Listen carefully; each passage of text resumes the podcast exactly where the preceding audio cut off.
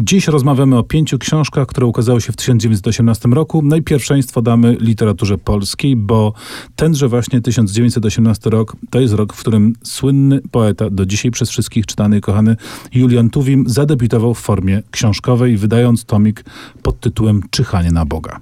Tak, ale nim ten tomik się ukazał, Tuwim opublikował wiersz jeden. Nie w książce, a w piśmie literackim. Wiersz ten nazywał się Wiosna i był jak granat, jak wybuch, jak eksplozja.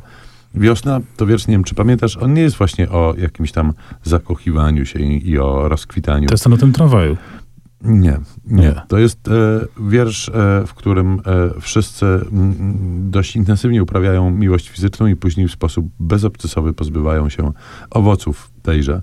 Wiersz ten wzbudził gigantyczne wprost oburzenie wszystkich. Studentki e, Uniwersytetu Warszawskiego wręcz zbierały podpisy, żeby ten żydowski pornograf, jak wtedy o Tuwimie mówiono przy okazji publikacji tego wiersza, nie psuł niewinnych umysłów warszawskich studentów. Ale wiersz ten nie tylko. wszedł, nie wszedł ten wiersz do tomu y, Czyhanie na Boga. Tam jest dużo innych wierszy, które rzeczywiście tryskają jakąś taką energicznością, entuzjazmem, witalnością i są takie rozbuchane, rozchachane i rzeczywiście y, no, takie e, rewoltujące, co kontrastuje na pewno z, z momentem, znaczy kontrastuje z jednej strony, bo inne zniszczenia, z drugiej strony wpisuje się w pewien nastrój z lekko euforyczny, choć są tam takie wiersze, które budzą mój głęboki sprzeciw. Na przykład, nie wiem, czy ty z kolei pamiętasz Szczęście?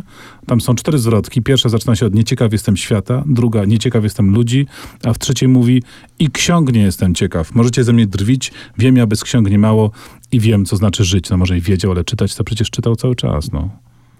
To była niepotrzebna młodzieńcza brawura. Tak, i on czytał, i e, my czytajmy. Tam też jest bardzo dużo e, Pana Boga i takich religijnych rzeczy w pierwszym tuwimowskim e, tomiku i to może być zaskoczenie. A zarazem 29 listopada, jeśli dobrze pamiętam, tegoż 1918 roku otwarto lokal pod Pikadorem, który stał się matecznikiem Skamandra i też takim miejscem, gdzie Tuwim dał się poznać jako kabareciarz, tekściarz y, piosenkowy. Jednym słowem, Tuwim wybuchł jesienią 1918 roku. Tak, ale nie samym Tuwimem człowiek żyje. Oswald Spengler w 1918 roku, a więc w roku, w którym Polska uzyskała swoją niepodległość, opublikował pierwszy tom swojego legendarnego już dzieła pod tytułem Zmierzch Zachodu. No to jest taka książka, którą wszyscy znają, której wszyscy mówią, tylko prawie nikt nie czytał. Po polsku zresztą nie istnieje jej pełne wydanie, tylko fragmenty ostatnio ukazały się w 2014 roku.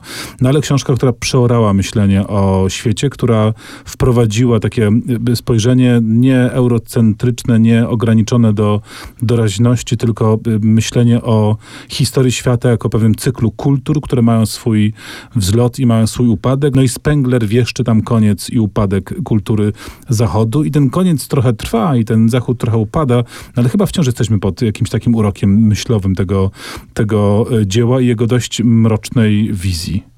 Ponad wszelką wątpliwość ta książka i ten tok myślenia jakoś tam inspirowane były zniszczeniami I wojny światowej. My, wydawać by się mogło, obserwujemy te zmiany na naszych oczach dopiero 100 lat później. Tymczasem zostawiamy Państwa we klimatach wiedeńskich. Johann Strauss II i opowieści Lasku Wiedeńskiego, gdyż za chwilę, za niedługą, przeniesiemy się do Wiednia. Maestro, prego.